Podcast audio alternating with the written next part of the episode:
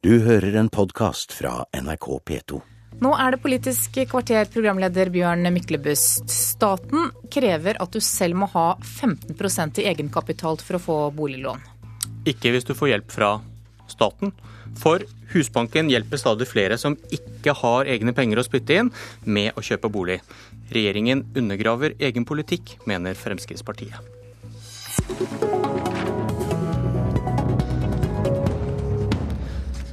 Dette er ikke noe problem, mener Arbeiderpartiet. Og da blir det debatt. Ketil Sjovik-Olsen, parlamentarisk nestleder i Fremskrittspartiet. Vil det beste vært å bare legge ned Husbanken og la private banker vurdere hvem som skal ha boliglån? Husbanken har en viktig rolle i forhold til den sosiale boligpolitikken. Altså det å hjelpe med bostøtte og folk som ikke klarer å finansiere egen bolig. Men når regjeringen på den ene sida sier at Finanstilsynet er rett når de strammer inn på vanlige folks mulighet til å låne penger, da skal du altså ikke ha mer enn 85% lån, du må altså ha 15% egenkapital i bånn. Men når du ikke får eh, finansiert den boligen du trenger i private bank, så kan du gå til Husbanken, og så får du de siste 15% fra Husbanken. Det syns jeg virker veldig ulogisk. Det er jo bedre at en bankkunde får utvikle ett kundeforhold i en bank, framfor at han må spre lånet sitt både på private bank, Husbanken og kanskje på kredittkortgjeld i tillegg. Sånn at regjeringen bør likebehandle private banker og Husbanken når det gjelder si, vanlige folk som får, får låne penger. Uh, Istedenfor at de sier at det er strammere regler for private banker enn for den statlige banken. Så man bruker ikke Husbanken til det den skulle vært brukt til? Jo, delvis så blir den brukt til det. Men vi ser jo at nå har jo Husbanken fått tilført betydelig med egenkapital de siste to årene. Nettopp fordi at kundetilstrømmingen er så stor, fordi private banker ikke får lov til å gjøre den jobben de egentlig skulle. Uh, og da uh, er det litt rart at en sier at Husbanken ikke skal ha de samme krav Eh, som Finanstilsynet stiller til private banker. Altså Husbanken står ut på utsida av Finanstilsynets krav, og da blir det urimelig. Marianne Martinsen, du sitter i finanskomiteen for Arbeiderpartiet. Har Husbankens bruk av disse startlånene sklidd ut? Nei, Det som er viktig å ha med seg her fra starten av, er at Husbanken er ikke en vanlig privatbank. Eh, Husbanken er først og fremst et boligsosialt virkemiddel som skal hjelpe de som er varig vanskeligstilte inn på boligmarkedet. Og det skjer i et relativt begrenset omfang. Altså, Husbanken sine lån utgjør mindre enn 3% av den samla boliggjelda som nordmenn eh, Men sitter på. Men spørsmålet var, har det sklidd ut slik det praktiseres nå? Nei, altså det er en veldig liten andel av den samla bolig, boliglånsmassen som, som, er startlån fra Husbanken. Og hovedpoenget med 15 %-kravet det er jo å forhindre at vi blir sittende med en bankkrise i fanget i det øyeblikket man ser at renta begynner å stige, at vi kanskje får boligprisfall. Eh, og Husbanken er spesiell, fordi at i realiteten er staten som sitter på risikoen.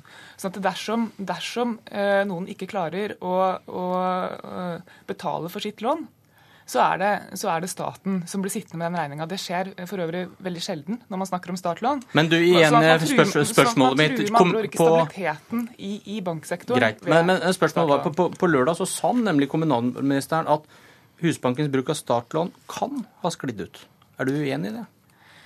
Ja, Foreløpig så er omfanget såpass lite at jeg er uenig i det. Men det er klart at vi kan ikke la dette bli, eh, bli eh, den dominerende ordninga for å komme seg inn på boligmarkedet. Det er veldig fornuftig at de aller, aller fleste av oss møter krav om at vi må ha spart en stund, har eh, egenkapital, at vi har fast inntekt før vi kan betjene lån. Men det Fremskrittspartiet gjør her, det er jo å skyve startlånordninga, som er en begrensa ordning for vanskeligstilte, foran seg, for å dekke over det faktum at de eh, vil trosse de veldig klokkeklare anbefalingene som vi får fra fagøkonomer, ikke minst fra Finanstilsynet, eh, om egenkapital for å forebygge nye finanskriser. Og det må jeg si, det, det ryster meg. Det skjønner ikke jeg at Fremskrittspartiet tør. Jo, men her snakker du jo rundt grøten, fordi at Finanstilsynet er redd for at for mange folk skal ha for mye gjeld. Men det at da dere strammer inn for private banker til å låne ut penger, så sier dere at Husbanken kan få lov til å låne ut de samme pengene istedenfor. Da har jo folk den samme gjelda. Det er bare det at du sprer det over flere banker, og du gir det bl.a. fra en statlig bank.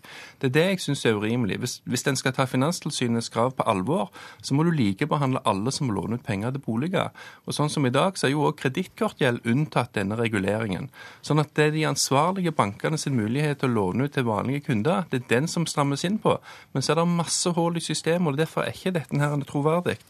Og når vi stilte spørsmål til regjeringen at de 10 milliarder kroner ekstra som Husbanken nå får til å låne ut penger nettopp fordi de ikke får låne i private banker, hva betyr det for norsk økonomi? Og Svaret vi fikk er at det vil ikke ha noen nettoeffekt på norsk økonomi, for dette vil bare erstatte andre lånekilder.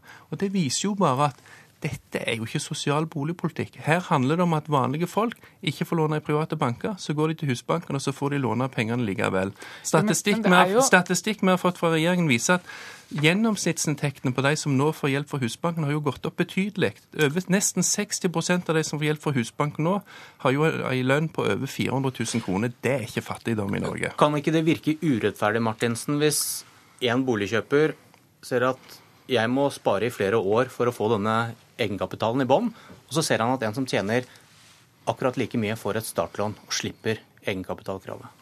Ja, men Kriteriene for å få lån gjennom Husbanken er veldig klare. Du skal være definert som varig vanskeligstilt. Det men det, det, det som, definerer kommunen igjen, ikke sant? Ja, men det skal være mennesker som ikke ville kommet seg inn på boligmarkedet uten, uh, uten, den type ordninger.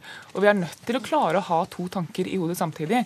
Fordi at, fordi at uh, skal, altså skal vi klare Eh, å forhindre at vi ender opp med en ny eh, boble, en ny krise, i det øyeblikket prisene stiger eh, og man oppdager at bankene sitter med for stor, for stor gjeldsmasse, så er vi nødt til å ha reguleringer på dette her. Er det én ting finanskrisa har vist oss, så er det at dette kan ikke de private bankene regulere sjøl. Og der skiller de seg vesentlig fra Husbanken, fordi at de private bankene selv om de gjør fornuftige, fornuftige, vurderinger fra person til person, konkurrerer om kundene, strekker seg.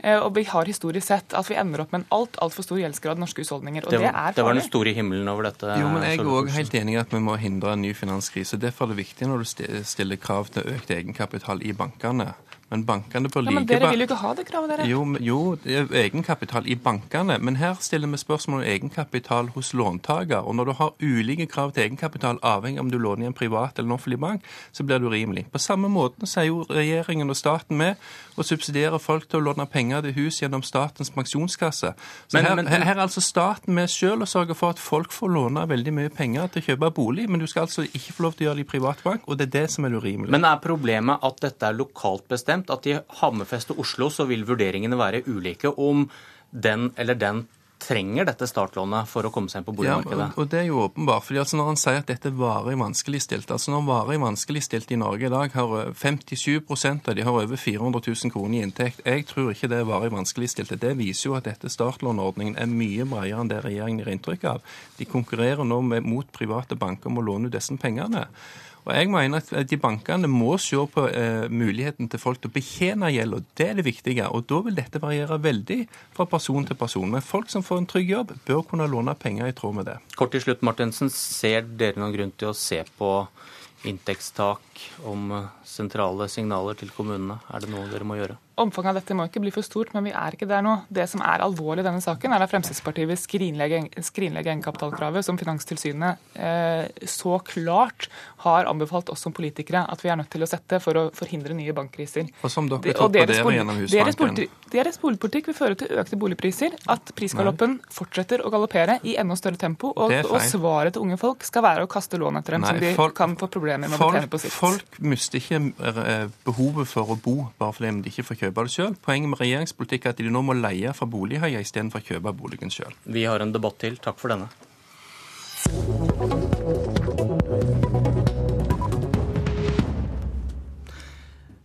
En enkel sjekk hos tannlegen kan koste 250 kroner eller 1000 kroner. VG skrev i går om store, prisforskjeller. og Hvor ble det av fagre løfter om offentlig finansiert tannhelse, Thomas Breen fra Arbeiderpartiet? Nei, Det er åpenbart sånn at vi ikke har klart å fylle opp intensjonen fra landsmøtet vi hadde for to år tilbake. Var det fint for løftebrudd? Man kan kalle det et løftebrudd, ja. Jeg vil være så ærlig å si det. Eh, det vi har gjort, er jo å utvide de refusjonsgruppene. Altså det, utvikle eh, stadig nye grupper som kommer inn i en refusjonsordning for tannhelse. Men hva, hva var dette opprinnelige løftet? Bare minne oss på det. Nei, Det landsmøtet vedtok, var at vi skulle ha en tannhelsereform for alle. Eh, slik at eh, tannhelsen ble på linje med øvrig helsevesen. Det har vi ikke klart, og det må vi være ærlige å si. Eh, I det nye programforslaget så har vi en mer forsiktig tilnærming, hvor vi ønsker en gradvis utvikling av offentlig tannhelsetjenesten. Hva skjedde? Vi har rett og slett ikke klart å prioritere det både i forhold til ressurser, altså antall tannleger og tannpleier, men også økonomi. Hva var prisen da?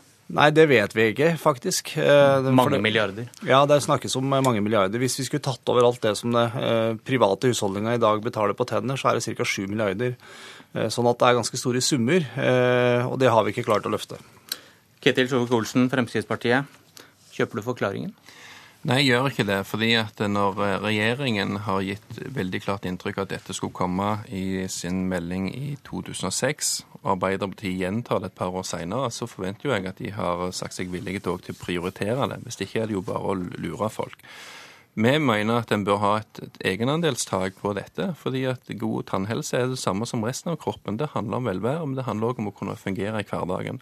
Det er enkelte av oss som får så store problemer med tennene at det går ut over funksjonsmulighetene. Rett, enten pga. smerte eller rett og slett fordi at eh, en ikke klarer å leve normalt.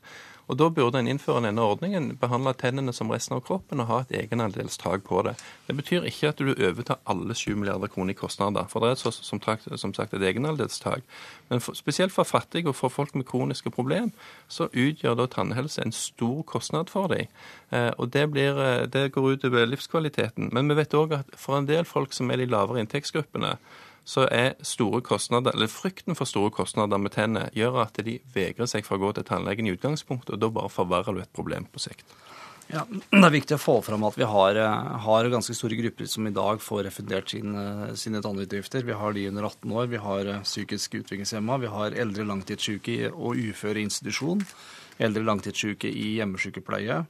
Eh, vi har 18-19 år, og så har vi den gruppe E, som eh, har vært den eh, nye gruppa som utvikler seg stadig, med rusmisbrukere, med kjeve- og tannkjøttsykdommer og fengselsinnsatte, for å nevne noen grupper. Sånn at vi har jo utvikla tannhelsetjenesten til og gjelder stadig flere, og vi gjør det med en sosial profil. Men vi har ikke eh, nådd det eh, løftet som vi ga i forhold til landsmøtet. Men vi er innafor det som Soria Moria sa, hvor vi skulle utvikle tannhelsetjenesten for nye grupper. Og for vår del så handler jo da programforslaget som landsmøtet skal ta stilling til, nettopp å fortsette den utviklinga, hvor man da tar nye grupper inn i en refusjonsordning. Eh, sånn at man har en trinnvis utbygging av eh, tannhelse, tannhelsetjenesten. Ja, dette syns jeg blir en svært passiv fortolkning av Soria Moria, hvis den nøyer seg med at noen få enkelte grupper har kommet inn, når du lovte mye bredere. Det er altså rundt 140 000 personer i Norge som har behov for tannbehandling, men som ikke tar seg råd i forhold til, altså, ifølge SSB sine tall. Og En ser jo òg når en bryter ned dette på inntekt, at 14% av de som tjener opp til 200 000 kroner, mener at de har store problemer med tennene sine, men får ikke gjort noe med det.